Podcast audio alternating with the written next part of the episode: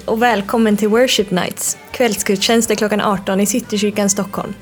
Här finner du varje vecka undervisning och predikan som vi hoppas ska hjälpa dig att lära känna Gud och upptäcka allt som han har kallat dig att vara. Mer information om vår kyrka hittar du på cks.se.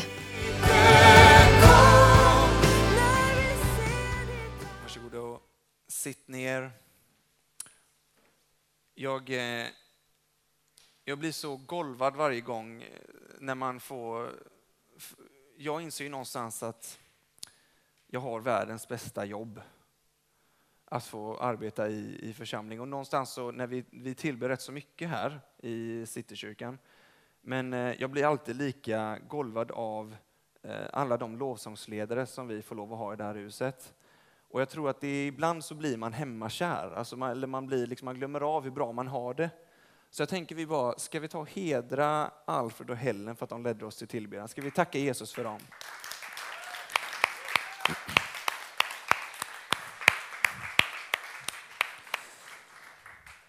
Och Gabriel och Frida som ledde på 11 mötet och sådär, det är bara helt fantastiskt. Tack så jättemycket älskling. Vi, eh, jag är väldigt förväntansfull för den här kvällen och för Gud är så god och jag, jag bara tycker det är så fantastiskt vad han gjorde förra veckan, eller varje kväll, men förra veckan så kom Guds kärlek väldigt starkt över mig och jag, det, var, det kan ha varit för att jag inte predikade eller för att jag inte var med och gjorde något, så jag bara satt. Eh, och då kan man inte annat än att bara ta emot. Ehm, och det var så gött för jag hade ett eh, snack med någon innan så här och berättade om liksom, man får komma som man är och det, det är gott att man liksom, om man gråter så, så, är, det inte, så är det inte så farligt liksom och sådär att vi, vi är genomskinliga på det området att eh, sådär va. Eh, och sen så, bara, så, så kom Gud och tröstade mig så sjukt starkt så jag grät från eh, det att vi startade till det att vi slutade. Eh, och, och det var så gött att jag sa det till en annan person och så hände det mig. Och, och jag, jag bara säger det att liksom när Gud möter oss så, så sker det på, på så underbara sätt. För han känner oss så väl. Och så det som sker där inne när, när vissa av oss står upp och håller, lyfter händerna eller sitter ner eller går ner på knä. Så, jag bara vill alltså, tala ut den friheten över oss. Att vi verkligen får vara de vi är här inne. Eh, bara så ni vet om det. Eh, är ni med på det? Bra. Jag, eh, jag tänkte att vi skulle läsa i eh, Guds ord och börja från Johannes evangeliet kapitel 15. Jag vet inte om du har märkt det, men ofta så använder Jesus, han snackar mycket frukt och grönt. Eh, han gillar växter helt enkelt. Han tar ofta, ofta så är hans liknelser om eh, något som växer eh, eller liknande. Och det gör den även i den här berättelsen. Eh, och vi, I Johannes evangeliet kapitel 15 så har vad som har hänt är att Jesus och lärjungarna har haft en måltid, det vi kallar för nattvard, det vi firade förra söndagen. Eh, de hade druckit vinet som symboliserar Jesu blod, att han, han dog för oss, precis som brödet symboliserar hans kropp. Och så åt de och hade fest där. Och Jesus vet att snart är hans tid kommen. Eh, Jesus kom ju och levde för att dö. Så. Och, och, och nu så är det precis här så har en av lärjungarna förrått Jesus, han heter Judas. Så nu är det elva som är Jesus crew då. Liksom. Elva pers som har följt Jesus i ungefär tre och ett halvt år varje dag. Då lär man känna en person. Tänk dig att varje dag du vaknar upp så går du med Jesus. Hur många skulle vilja gå med Jesus en dag? Det är inte alla och jag förstår det, för jag vet inte vad, man, vad som skulle ske. Jag, jag, jag, om jag ska vara ärlig så vet jag inte om jag, alltså jag vill, men jag hade blivit sjukt utmanad. För sanningen att följa Jesus är ibland lite jobbig alltså. Att vara en lärjunge till Jesus. Och någonstans så har vi, alltså Judas här, han, han hade följt med Jesus tre och ett halvt år. Och ändå så förråder han honom, honom där i slutet. Jag har så svårt att fatta det. Jag hade, jag hade en fransk polare, eh, eller han, han är fortfarande min vän. Varför säger jag jämt att jag har vänner, eller har haft vänner? De är ju fortfarande mina vänner. Och han sa så här på sin franska, som jag tyckte var så fint. Daniel, I can't understand why people don't like Jesus. Because when you get to know him, he's irresistible. Det var som taget ur Ratatouille alltså. Ja, men det är verkligen, när du lär känna honom, då är han ju omotståndlig. Men ändå så är det en, en kille här som faktiskt väljer, inte bara att inte hänga med Jesus, utan förråda honom. Och, någonstans så är det här del i, hans, i, i Guds plan.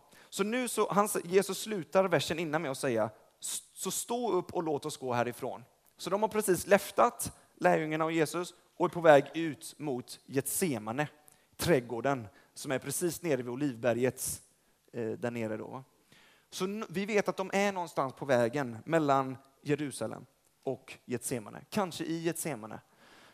Och så börjar Jesus att snacka om, han börjar sin vers med att säga att jag är den sanna vinstocken.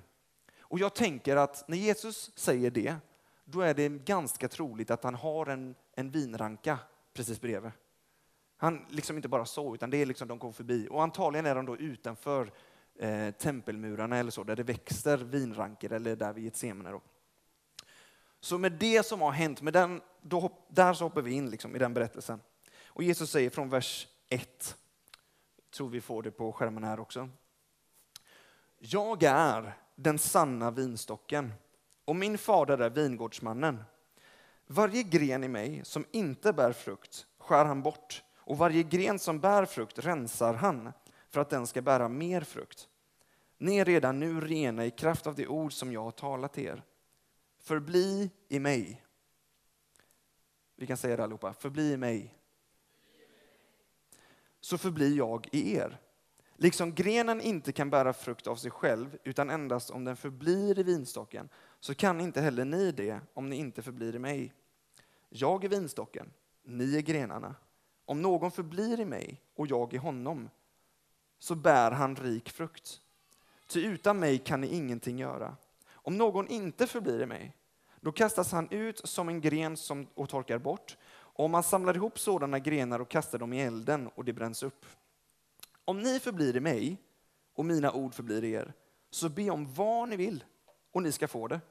Min far förhärligas när ni bär rik frukt och blir mina lärjungar. Liksom Fadern har älskat mig, så har jag älskat er. Bli kvar i min kärlek.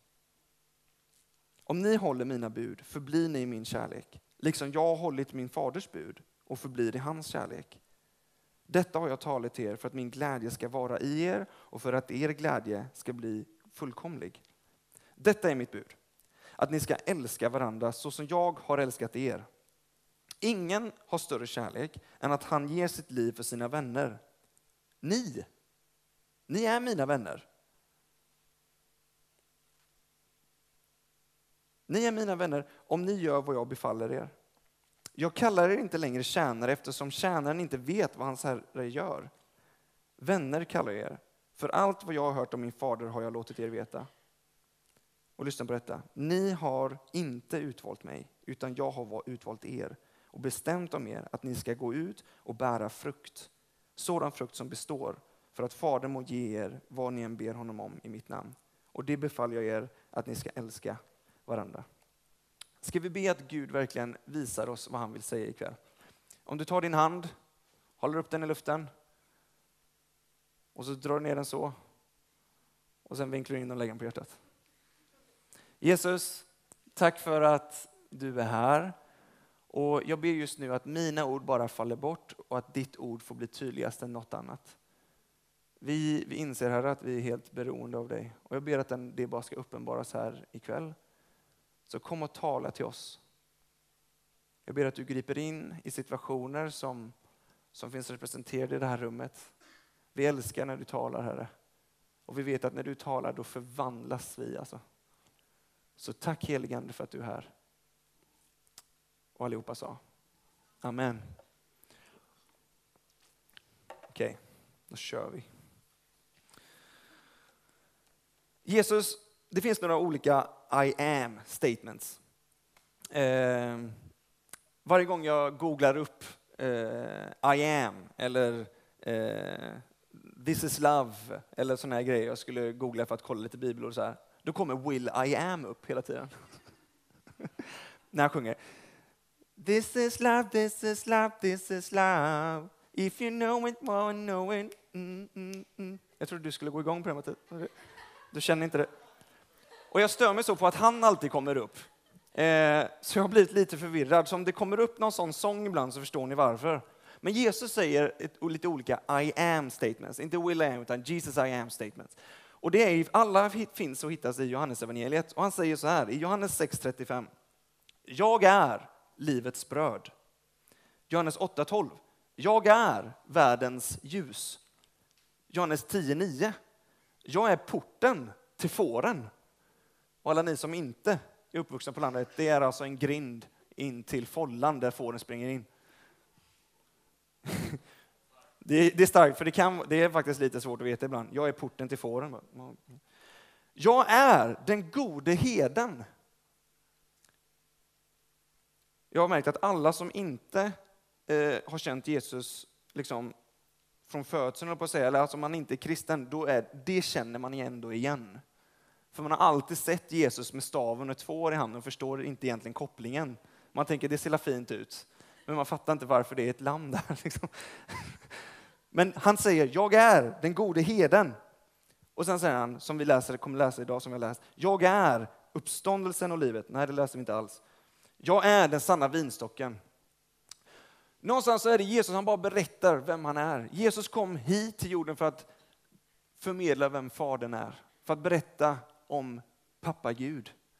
Vart han än gick fram så tog han sådana här liknelser. Han, såg liksom, han, såg han kanske såg en, en, en, en bonde som sådde och sa han, vet du vad?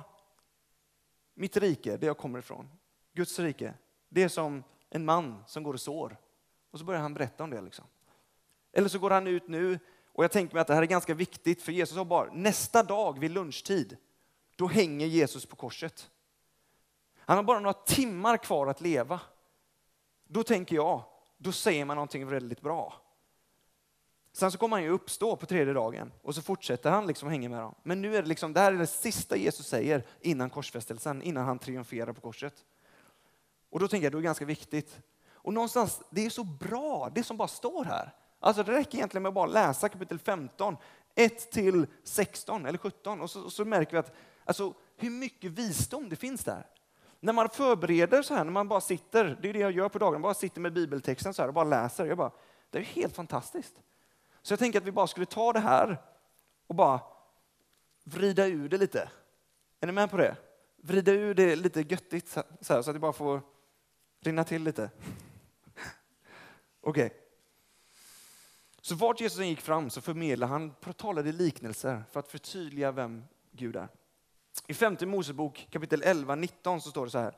Ni ska lägga dessa mina ord på ert hjärta och ert sinne och binda dem som ett tecken på er hand och det ska vara som en påminnelse på er panna. Ni ska lära era barn dem genom att du talar om dem när du sitter i ditt hus, när du går på vägen, när du lägger dig och när du stiger upp. Med andra ord, hela tiden. När du går på vägen. Man gick hela tiden till fots på Jesu tid. Överallt så gick man till fots. Så när du går på vägen varje dag, vardagen, din vardag, tala om sådana här saker. Berätta om saker som Gud gör i ditt liv med andra. Det var det Jesus sa till sina lärjungar. Jag har fått all makt. Jag regerar. Gå därför ut och gör alla till lärjungar. Lär dem att hålla mina bud. Berätta om vad jag har gjort för er.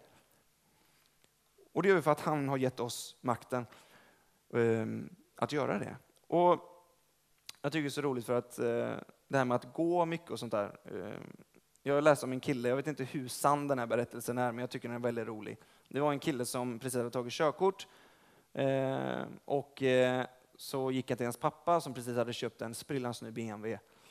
Och så sa han så här, pappa kan inte jag börja få köra bilen till, till skolan? För han gick i high school.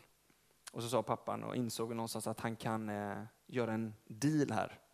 Och så sa han, okej, okay, på tre villkor. Att du får upp betygen lite i skolan, läser lite mer bibel och klipper dig. Det känns som att det här skulle nog de flesta farsor skriva under på. Få upp betygen i skolan, plugga lite bibel, gå till kapellets barberare. Aron har klippt sig. Det är fler och fler som går till Adam och gänget. Jag slänger ut det som lite reklam. Det, de tar emot sjuka och lama också. Alltså. Det är helt fantastiskt.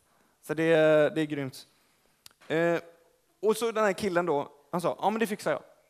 För det är värt det. Så han gick och efter en månad hade han gjort det här. Liksom. Så han kom tillbaka till sin pappa. Pappa, nu, nu har jag gjort det. Liksom. Och han var väldigt stolt. Jag bara, min son, jag är så stolt över dig. Du har fixat bättre betyg. Du har tagit och eh, eh, läst Bibeln mer. Men du har inte klippt dig. Du har inte klippt dig än, jättelångt hår. Jag vill att du ska klippa dig. Och då så sa han, eh, ja men jag har tänkt på det. Och anledningen för att jag inte gjort det är för att Mose hade långt hår, Noa hade långt hår, Jesus vet jag hade långt hår. Och papp, varpå pappa säger då att ja, men de gick också vart än de skulle. De åkte ingen bil. Och det, det, är liksom någonstans så tänker jag, där vi går fram, vare sig det går eller åker bil, så är det liksom snack, tal, berätta om detta. Egentligen det jag skulle vilja fråga dig efter vi är färdiga här nu, det här, det här står inte i mina papper, jag bara tänker att det, det är verkligen det här det handlar om. Är det någon du kan berätta den här berättelsen om? Den sanna vinstocken. Så jag hoppas nu när vi tar och knystar upp det här lite, att det kanske finns någon som du kan snacka om det med. Jag dyker mycket. Eh, jag dyker på eh, dykcenter som ligger här borta. Och igår så var jag dök och på vägen dit så sitter jag med en kille eh, som, som jag inte har träffat innan då. Eh, jättehärlig kille. Han jobbar som polis och han jobbar med ett fantastiskt viktigt jobb där. Han jobbar för att brotts, brottsförebyggande för barnpornografi. Och när han snackade om det så gick vårt samtal ganska mycket djupare, liksom, som ni kan förstå. Och jag bara, vilket fantastiskt jobb du gör. Alltså. alltså att någon gör det. Och så berättar vi om det. Och jag blev helt bara wow. Och jag, någonstans så säger jag, ja, men det är ju, och då berättar jag vad jag jobbar med och så, här, och säger han själv att om jag hade tänkt att bli präst någon gång, jag, jag är inte präst så han missförstod mig, men och då så sa, så sa han, ja men det krävs ju ändå ett kall för detta, sa jag. Och han sa, ja det är lustigt att du säger kall så här. Så började han fundera kring kallelse och och, alltså att, vara, att saker som är förutbestämt. Och så, han, och så frågar jag lite mer om hans jobb och så frågar jag vad, vad, hur går det till med det du jobbar med? Liksom, hur jobbar ni? Och då drog han en liknelse för mig och sa att ja, men jag gillar liknelser, sa han. Och jag bara, jaså? Jesus med? Och så bara drog vi in, så fick jag dela en liknelse med honom om såningsmannen. Jag har aldrig gjort det innan, jag bara testade, jag bara gave it a shot liksom. Och han tog verkligen till sig så mycket av det. Och jag blev så, jag bara yes! Och så sa han, så, liksom, så, så bara, det bara bollades vidare. Och jag säger inte detta liksom för att höja upp mig själv på något sätt, för det här är inte likt mig. Men det är bara att det Gud gör i våra liv, vi måste berätta om det. Alltså. Det kan inte bara stanna här. Det står så här, nej, ni ska lära era barn dem genom att du talar om dem när du sitter i ditt hus, antagligen att de äter då tillsammans, när du går på vägen. Hur ofta går vi inte på vägen? Det är ju hela tiden. När du går upp och när du lägger dig ner. Hur som helst, så alla de här termerna var liksom begrepp som Israel kände igen. Vinrankan. Det var, det var faktiskt Israels symbol. På pengarna så hade man liksom tryckt en, en vinranka. Jag tycker det var coolt, för det, vi har faktiskt det i, i, eh, i rummet här. Så det tycker jag är lite starkt.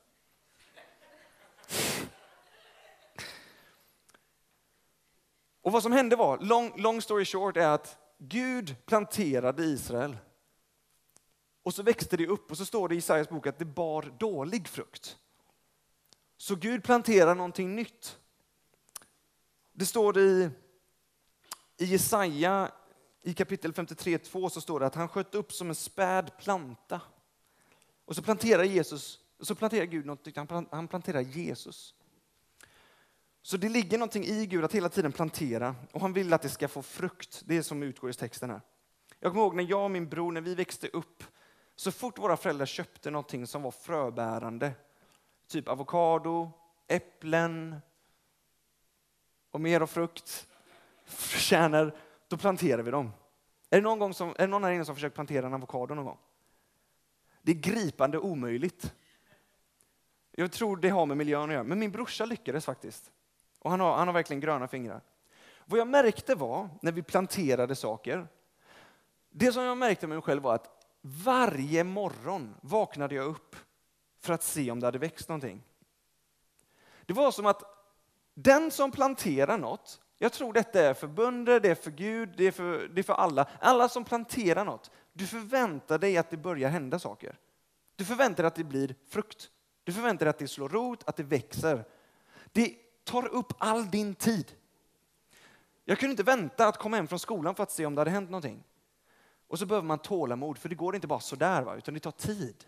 Det behöver rätt jordmån, det behöver vattnas, det behöver saker. Va?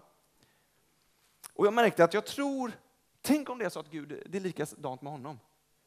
Han planterade Jesus och förväntade sig att det skulle ge frukt, vilket det gjorde det i tusenfalt.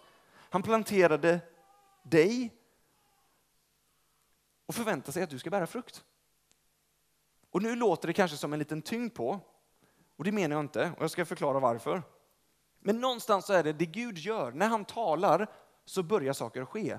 Allt som har liv börjar producera frukt. Och han säger, förbli i mig så ska ni bära rik frukt. Så jag är fortfarande väldigt så här, liksom, jag tänker mycket på vad min brorsa gjorde som jag gjorde fel. Jag fattar fortfarande inte det. Förbli i mig. Ordet abide, det ordet det, det betyder att stå fast, att, va, att vara ända ut, bestå, utstå, att förbli levande, att stå fast i någonting. Och jag tror att det här är någonting som är i Guds karaktärsdrag. När Jesus säger att jag är den sanna vinstocken. Jag är inte den vinstocken som Israel var, som bar dålig frukt. Den resan de gjorde som tog 40 år i öknen, den hade säkert bara tagit fyra om de hade gjort vad Gud sa. Men någonstans så säger Jesus, jag är den sanna vinstocken. Och så pekar han på den här vinrankan. Liksom. Förbli i mig. Abide. Att förbli i någonting. Det är någonting som är att Gud alltid består. Det är någonting med Gud och bestå som bara är en kraftfull koppling genom hela Guds ord, genom hela berättelsen. I Jesaja 48 så står det så här, gräset vissnar, blomman faller av, men vår Guds ord består för evigt. Han består. Jag märker bara, jag är så galet... Alltså, vi vill ha saker som består. Vi hatar att gå tillbaka till Ikea kundservice och lämna tillbaka någonting som gick sönder när vi köpte det. Vi vill att det ska funka, vi vill att det ska vara varaktigt. Inte bara liksom bara så, utan hela tiden. Förstår du vad jag menar? Försöker bara få fram det jag vill säga här med en rörelse. Mm. Så förbli i mig.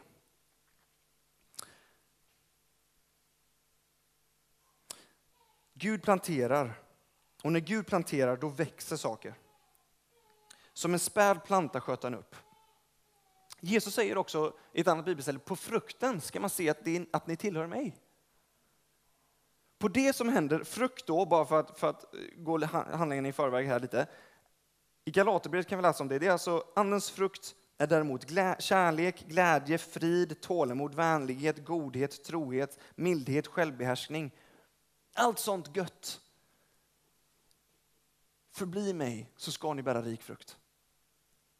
Jag vet inte hur det är med dig, men jag skulle behöva lite mer självbehärskning i mitt liv. Det är som att det är någon, man, vi söker sådana saker. Och vi försöker, ibland kanske det är så att vi försöker köpa oss till det, att om jag bara kunde göra det. Jag är ledsen, men jag är en prylkille. Och nu med dykningen, det är ingen billig sport alltså. Jag köpte en ficklampa som var, jag ska inte säga hur mycket den kostade, men det var hysteriskt högt. Alltså. Jag har aldrig köpt 5000 spänn. Tack Alfred. Det kostar, det kostar 5000. Men den är stark. Den lyser bra. När man är där nere på det djupet, då är det mörkt. Så då behöver man något starkt. Det första Alfred gjorde när vi var ute och köpte den, det var att han ringde Hellen. Daniel, jag köpte precis en lampa för 5000. Kan inte jag få köpa den här musikgrejen? Våra fruar får liksom...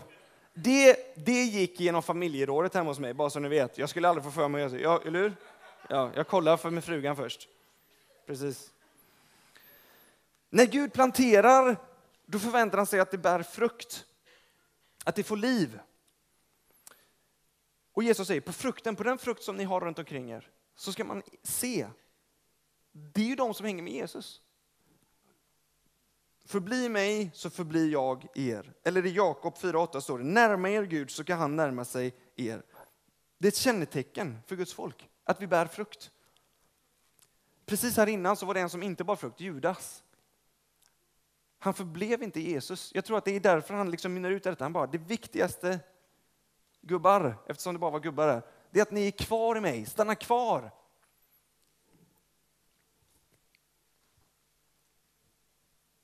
Förbli mig. Jag älskar ordet stanna kvar, för vers 9 säger bli kvar i min kärlek. Det var lite det som hände sist med förra, förra veckan. Jag bara var kvar och jag har inte varit det på länge tror jag. Jag bara stannade upp och bara fick stanna. Det, jag är, det är så lätt för mig att jag bara springer iväg. Bli kvar i min kärlek. Jag älskar det ordet stanna kvar, för, eller bli kvar i min kärlek, för det är liksom egentligen ingenting jag gör. Det är ingenting jag kan göra. Allt jag gör är att stanna kvar, förbli. Och det är många gånger som jag liksom i mötet med Jesus glömmer bort att vi är i ett förbli-förhållande. Det är så många gånger jag tänker vad jag kan göra för honom. Och det är inte fel i sig att tänka vad man kan göra för Jesus. Det står liksom, I Romarbrevet så står det att eh, offer your bodies as a living sacrifice, som ett levande offer. Liksom. Att vi, det, finns saker, det finns en tid för det, att, be, att betjäna andra, att, att liksom, som, som kvinnan som bara hällde ut liksom parfym över Jesu fötter, betjänade honom, gjorde saker. Men här är det någonting helt annat. Det, det är som att många gånger så tänker jag att jag inte kommer att kunna förbli eller få förbli längre i honom om jag inte producerar. Är ni med? Och Det är inte det som står, för kolla här, vi läser tvärtom. Vilket är intressant, för om du vill veta vad, vi, alltså om du tänker fienden eller djävulen eller satan eller shaitan eller vad du nu vill kalla honom. Alltså allting, allting som går, reser sig upp emot Gud. Om du vill veta vad han tänker om dig, ta då allt som Gud säger om dig och bara vänd på det. Det är ganska enkelt att se vad, vad, vad det är han säger, för det är bara att vända på det. Vilket det har skett för mig många gånger. här. För för mig har jag många gånger läst detta, att det, det står liksom, om någon förblir, nej, om, jag bär frukt, då får jag förbli i Jesus. Så länge jag gör bra saker, då kommer jag kunna få fortsätta vara kopplad till honom. Jag vet inte om det är någon som känner igen sig i det. Men det står, förbli i mig, så ska du bära rik frukt. Det, liksom, det har ingenting med oss att göra. För det står ju bara stanna kvar. Spring inte bort. Tappa inte greppet. Förbli. Jag älskar att det står förbli.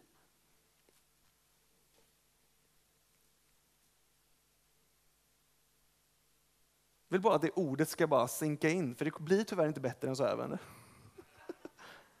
förbli? Varför, varför springer du omkring? Varför inte bara stanna kvar? Varför inte bara släppa saker som, som du försöker göra på eg, för, för egen skull och bara för, bli kvar i hans kärlek? Och vad är kärlek? Bra att du frågar, för det står nämligen här i boken. Det, det, står verkligen, det står första Johannes 4.10. För ni som antecknar, skriv upp det, för det är verkligen... Skriv det understryk, två streck, tre streck under. Detta är kärleken, och jag älskar att det är i bestämd form, singular. Detta är kärleken. If you know it, what you know it. Mm, mm. Inte detta är kärlek, för det är så himla flummigt. För om det är ett begrepp som är så sjukt flummigt idag så är det kärlek. Det, vi vet inte vad det är. Kärlek, för många gånger säger Gud är kärlek, det är sant, men kärlek är inte Gud. Vi har gjort kärlek till Gud, men det är inte det. Gud är kärlek. Men detta är kärleken. Och det står så här, inte att vi har älskat Gud, utan att han har älskat oss och sänt sin son till försoning för våra synder. Kan jag få ett amen på det här inne? Alltså? För det är så himla bra nyheter. Om du vill undra vad den här boken handlar om så är det det. Hela den här boken är ett mysterium. Vad, det här, vad mysteriet är, det är att vi alla har tillgång till Guds rike. Det är att vi alla har tillgång till den här kärleken. Det finns för dig. Allt du behöver göra är att förbli. Bara bli kvar i hans kärlek, bara ta emot den. Så någonstans så, jag är liksom uppvuxen med att jag, liksom, jag är en görare. Jag, jag, jag har haft min popularitet i det jag har gjort. Så om jag har haft en, jag har haft en bra dag när jag liksom har presterat bra grejer, gjort bra i skolan eller så vidare. Och det kom, tog jag med in i min gudsrelation. Och det var ingen förblir-relation längre, utan det var liksom jag gör-relation. Så att jag, jag, hjälper Gud att älska mig. Liksom. För jag menar, och, och någonstans så var det så att det funkar inte. Det är precis som precis innan här, under det som Jesus, innan vinranka eh, liknelsen så hade de en måltid. Och i den måltiden så tog Jesus på sig, han bara reste sig upp, ganska ogenerat, eh, drog på ett förkläde och började tvätta folks fötter. Det var vanligt att, man, att en tjänare tvättade, eller en slav tvättade någons fötter när de kom in. Men nu sker det i måltiden. Så det är ganska awkward, det som sker. Det, det är väldigt udda. Det, man brukar inte göra så. Vad sa ni med? Det är väldigt konstigt. Eller tänk dig att du sitter hemma och käkar och så är det någon som bara tar av sig på fötterna liksom och bara går ut, hämtar en handduk, tar fram baljan och bara drar av dig strumporna. Under bordet liksom. Bara. Jätteskumt. Jesus bara, nu ska jag visa dem hur det går till. Nu ska jag visa dem hur man älskar varandra. Alltså.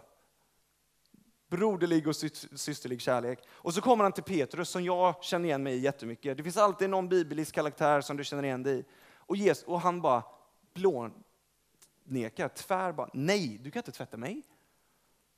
Jag ska ju tvätta dig. Det är ju mitt jobb att betjäna dig Jesus. Du är ju kung, vilket han är. Men jag, du kan inte tvätta mina fötter, du kan inte ta min smuts. Och då säger Jesus någonting som jag tror är väldigt profound. Det är att om jag inte får tvätta dig, då kommer inte vi kunna umgås. Att du inser att detta är kärleken, inte att du, vi har älskat Gud, utan att han har älskat oss. Den är så viktig att om du inte fattar det, då kommer inte du kunna hänga med honom.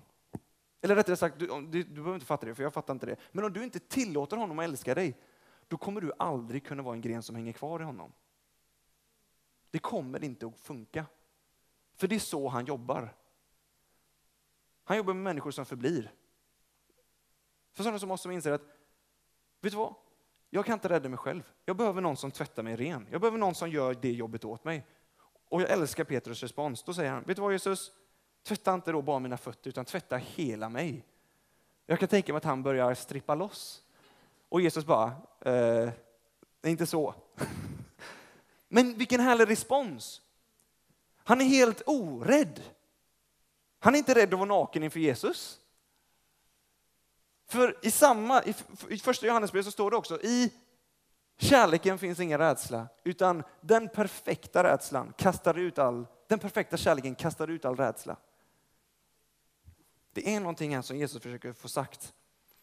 Detta är kärleken. Inte att vi har älskat Gud, utan att han har älskat oss. Stanna kvar i det.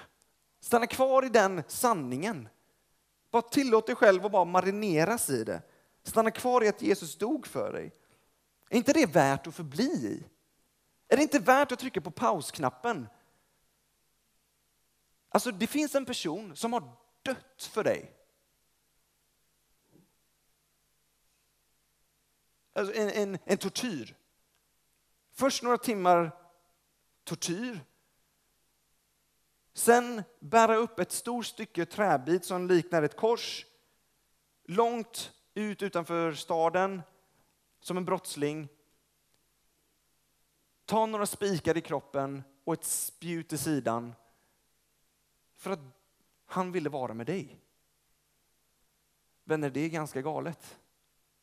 För då kommer en fråga från mig till Jesus. Varför, varför dog du för mig? Hur kunde du dö för en sån som mig? För det är egentligen en rätt så bra fråga. Jesus, det du gjorde, varför? Är inte det en rätt så legitim fråga? Varför dog du för en sån som mig? Jag förtjänar inte det. Jag förtjänar inte att stanna kvar. Vi är vana vid att jobba oss till. Vi är vana vid att jobba så att frukten blir. Vi, vi, vi jobbar så vi får lön. Vi, vi, vi pluggar så vi får bra betyg så vi kommer in på den utbildningen. Det är så hela samhället fungerar. Ju you get what you do. I scratch your back and you scratch mine. Jesus bara, nej, nej, nej. Det här är kärlek. Du kan inte imponera mig med din kärlek för mig. Jag älskar att du lyfter händerna i lovsång. Jag älskar att, att du är här ikväll. Men kärlek, det är det jag visade på korset för dig. Bli kvar i det. Spring inte förbi det, utan bara var kvar. Så kommer frukt och kommer glädje. När vi är i den sanningen, bara vara och marinera oss i att vad Jesus har gjort för oss och inte vad vi kan göra för honom. Då någonstans så då börjar glädje komma. Frid. Alltså typ inför den här predikan bara som ett exempel. Till exempel. Jag, jag, jag är liksom uppvuxen med eh, att jag haft en, eh, liten, en fallenhet för eh, vad kallar man, public affirmation, alltså att man, man får bekräftelse offentligt så här. När man talar. Så om, någon, om, om, om jag predikar väldigt bra någon gång till exempel och, och, och en församling gillar det, då får jag en riktig boost kanske. Men inför den här gången så bara märkte jag att jag är så fri.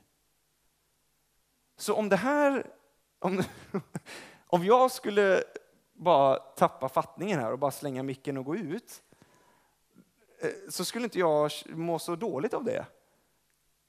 Så här, för att jag märker att man är fri från det. För det är inte kärlek. Kärleken är att han har dött för mig. Och någonstans så blir det en frihet i det och då blir det så mycket bättre. Så nå, det, jag bara märker det med mig själv inför den här, liksom, inför, inför bara vardagen. Att det är någonting som sker. Och så har jag märkt det här liksom, med, med fruktträd då. För har du någonsin sett ett, frukt, ett äppelträd ha svårt att producera äpplen? Alltså visst, om det är dålig miljö och så här, liksom, det behöver vara rätt jordmån och att det behöver vara liksom i rätt plats i världen. Det växer inga äppelträd på Grönland, kanske, eller det kanske gör. Men liksom, det behöver vara, här i Sverige till exempel. Det bara kommer. Det är per automatik så sker frukten. När du förblir i Jesus, då kommer frukten jag är ledsen, men du kan inte hjälpa det. Det bara kommer upp äpplen liksom. När jag, jag ser här så ser jag en bild med fullt med ananasar, kokosnötter, bananer, äpplen. Det är de frukterna jag kan. Men det är liksom, det bara sker. Ni kan säga det, det bara sker. När du förblir i Jesus så, så bär du frukt. När du stannar kvar i hans sanningar så blir det fruktbart. Då får du liv, det kommer liv. Och jag är, jag, jag är villig på något sätt, jag är övertygad om att det är så enkelt. För att det, vore väl, det känns väldigt evangeliumigt. Att jag inte behöver göra någonting för att få allt det. För om, om Gud hade sagt, om du gör si och så, och sitter si och så och ber då och då, då får du. Då hade det liknat någonting annat. Men det här är verkligen nåd. Det är, det är nästan för bra för att vara sant. Men jag tror det är det. Min svärfar han brukar dra det om en liknelse om, om nåd, för vi brukar tänka mycket barmhärtighet också. Barmhärtighet och nåd, att det egentligen är två olika saker. Jag vet inte hur många av er som har hört det, men, men han brukar säga att tänk att du kör på en motorväg och sen så kör du för fort och så stoppar polisen dig och eh, så egentligen skulle du behöva betala, du skulle egentligen behöva bli av med körkortet och betala en bot. Barmhärtighet är om han skulle säga, vet du vad, jag har en riktigt bra dag idag. Så du behöver inte betala och du får behålla körkortet. Gör inte om det. Det är barmhärtighet. Gud är en barmhärtig Gud. Han förlåter. Men Gud är också en nådfull Gud. Och det här är nåd, bara för att vi ska förstå vad det innebär och vad skillnaden är. Tänk dig att du kör för fort på motorvägen. Polisen stoppar dig för du har brutit mot lagen. Du skulle egentligen blivit av med körkortet och betala en bot på, vad är det, typ 5-6 tusen eller vad det är. Eller så här. Istället så får du ett extra körkort om du skulle tappat bort det ena och 10 000 spänn. Det är nåd. Och egentligen skulle jag vilja överdriva det mer, för det är vad Jesus har gjort för oss. Och han ger ett sken av det nu, precis innan korsfästelsen. Bli kvar i min kärlek. Stanna upp. Tryck på pausknappen och bara ta in det. Eller som David brukar skriva i Psaltaren, som man tror betyder det. Selah. Jag har börjat använda det mycket. Selah. Det är inte många som vet vad det betyder. Men det betyder typ, på engelskans översättning står det Pause for a moment and think about that. Selah. Bara stanna upp och bara tänk på det lite grann. Selah. Jag ska be Alfred komma upp och så ska vi avsluta här. Eh, kom ihåg, det var första gången jag sa avsluta nu, så ni är med. Det kommer två till. I vers 5 så står det, för jag skulle bara vilja, en sista grej, bara gå in lite på vers, eller 2, 3. När han säger, varje gren i mig som inte bär frukt skär han bort och varje gren som bär frukt rensar han för att den ska bära mer frukt. Jag tror inte vi inser hur otroligt viktigt det är för Gud att du bär frukt i ditt liv. Det är skitviktigt att du bär frukt, att du är fruktbar. Det är så gött att jag står och snackar om detta nu, för det känns verkligen som det fortfarande är prestation i rummet.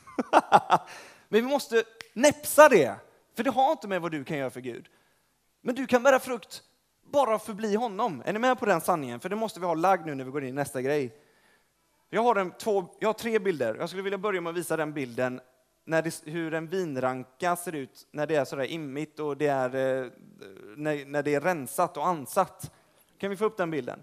För jag tror inte vi fattar och förstår hur otroligt, ja, hur otroligt misärt det ser ut. Det där är en vingård som precis har blivit ansad. Det ser inte bra ut. Någon gång när jag läste den här versen första gångerna i mitt liv, då så stod det liksom att, tänker jag att man tar fram en liten rossax och bara klipper lite här och var.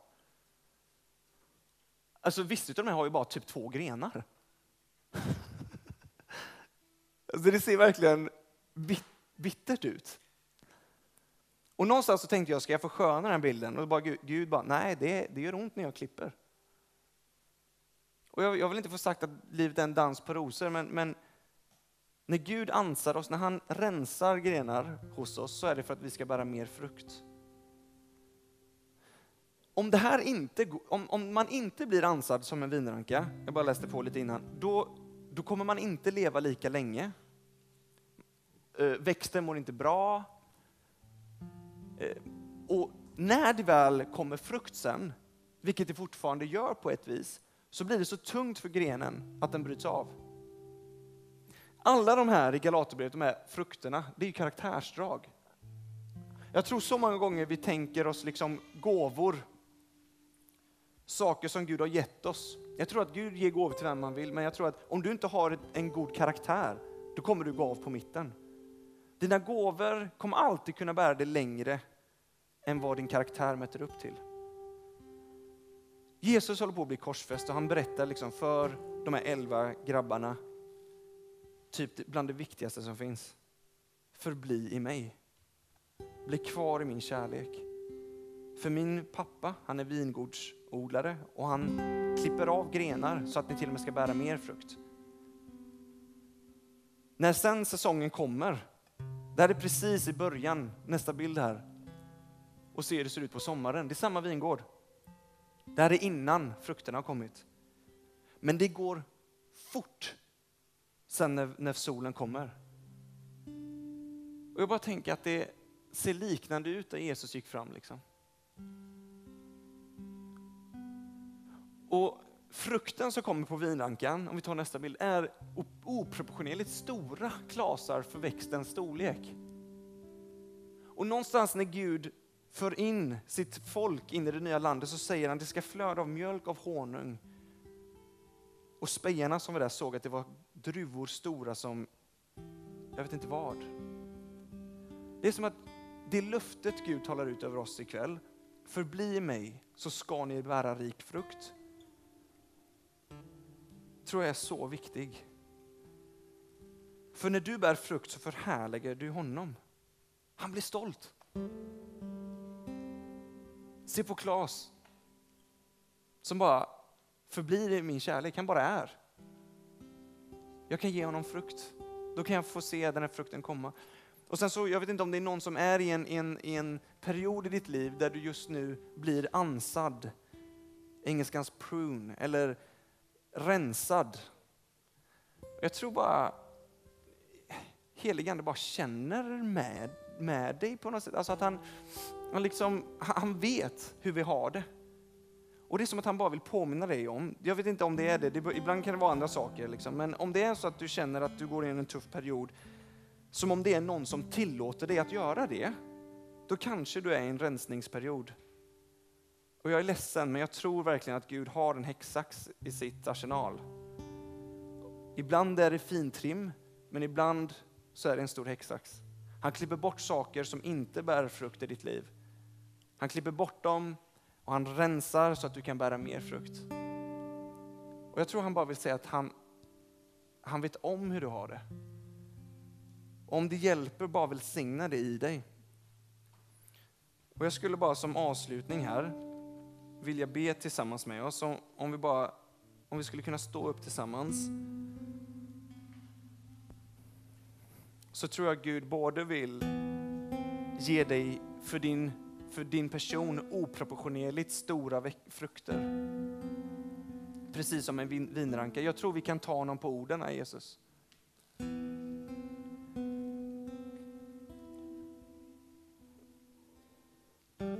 Och jag skulle vilja börja med att be för, för alla som, som befinner sig på en plats där, där du verkligen har svårt att förbli.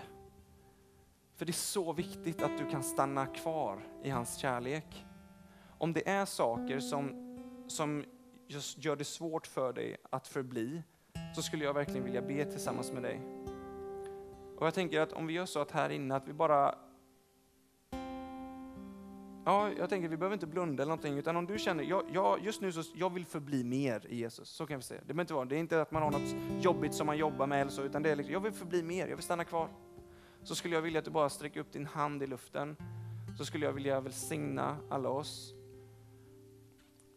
Gud, jag, jag tackar Jesus för, för det som du talade till lärjungarna för så många år sedan och som du säger till oss idag. Och just nu så välsignar jag varje hand som är i luften. Jag ber just nu helige Ande att du instruerar, bara lär oss hur vi förblir i dig. För vi vet att det är där det händer. Så just nu så ber jag bara se som en bild av en, av en, eh, av en kran som har varit avstängd. Men han sätter på den nu och han skruvar full effekt. Och det är ingen kalldusch, utan det är ljum, ljummet och härligt vatten som att man vill duscha i det. Så det är så att det är lite varmt, men behagligt.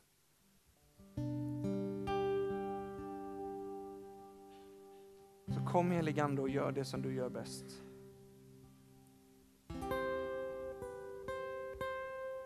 Visa oss hur vi förblir i dig. Tack för att du bara, för att vi, du är stammen Herre. Och vi, mär, vi vet att vi kan inte, bortsett från dig kan vi inte göra någonting.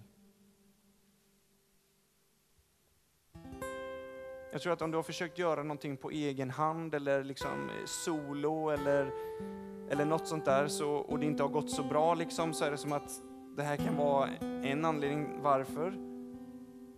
När Jesus säger att utan mig kan ni ingenting göra.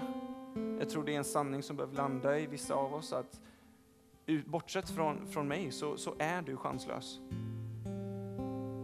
Som din, en, en, tänk dig att Jesus är stammen, han är vinrankan. Och, du är, och vi är grenarna. Jesus säger, jag är vinrankan, ni är grenarna. Tänk dig att du har små kvistar, för från grenarna så är det som ett myller av kvistar. Om det är en viss kvist som, som inte har burit frukt, liksom, så kanske be Jesus att, att rensa den. Rensa bort den. Jag tror han, om du vill så klipper han av det. Han rensar upp, han renar, han tar bort. Så får jag bara välsignar alla grenar i det här rummet Gud. Och vi erkänner vårt totala beroende av dig. Vi är beroende av dig Jesus. Vi kan inte göra någonting utan dig. Om du vill bara inkludera honom, om det är någon kvist som, som, som liksom kör en, liksom, mer vad brukar du kalla mina ögon, eh, ögonbryn? Lonely riders brukar man säga. När det är ett ögonbryn som bara växer här uppe. Hej, vi är familj. Jag kan vara så här person. Om du har några lonely riders i ditt liv som du vill Gud ska rycka bort, be honom om det. Be han frisera dig. Så Gud, vi, vi tackar dig för att du gör oss, påminner oss om vårt beroende av dig. Och vi säger, Herre, här är jag, här är mitt liv, jag vill förbli i dig. Och jag vill bära rik frukt. Och Jesus, om det är någonting som gör att vi inte kan bära frukt, så ber vi att du gör oss fruktbärande nu. Kom, vi ber om stora vindruvor Stora klasar som är, som är mer än vad vi nästan kan bära, men ändå så att det går. Oproportionerligt stora för det vi har gjort. Jag tackar Gud för att du kommer med en våg av frukt i det här rummet. Om det är något som har varit fruktlöst så talar vi liv till det just nu. För du har skapat oss att bära frukt. Så vi bara tackar dig för att du är vinrankan, vi är dina grenar. Och vi tackar dig för att vi får koppla oss in i dig. Så låt liv strömma, låt liv komma och varje område som inte bär frukt, kapa bort det i Jesu namn. Kapa bort allting som inte bär frukt, som inte är från dig. Tack Gud för att du gör det just nu så att vi kan bära mer. Och vi tackar dig för att det är totalt helt på grund av dig.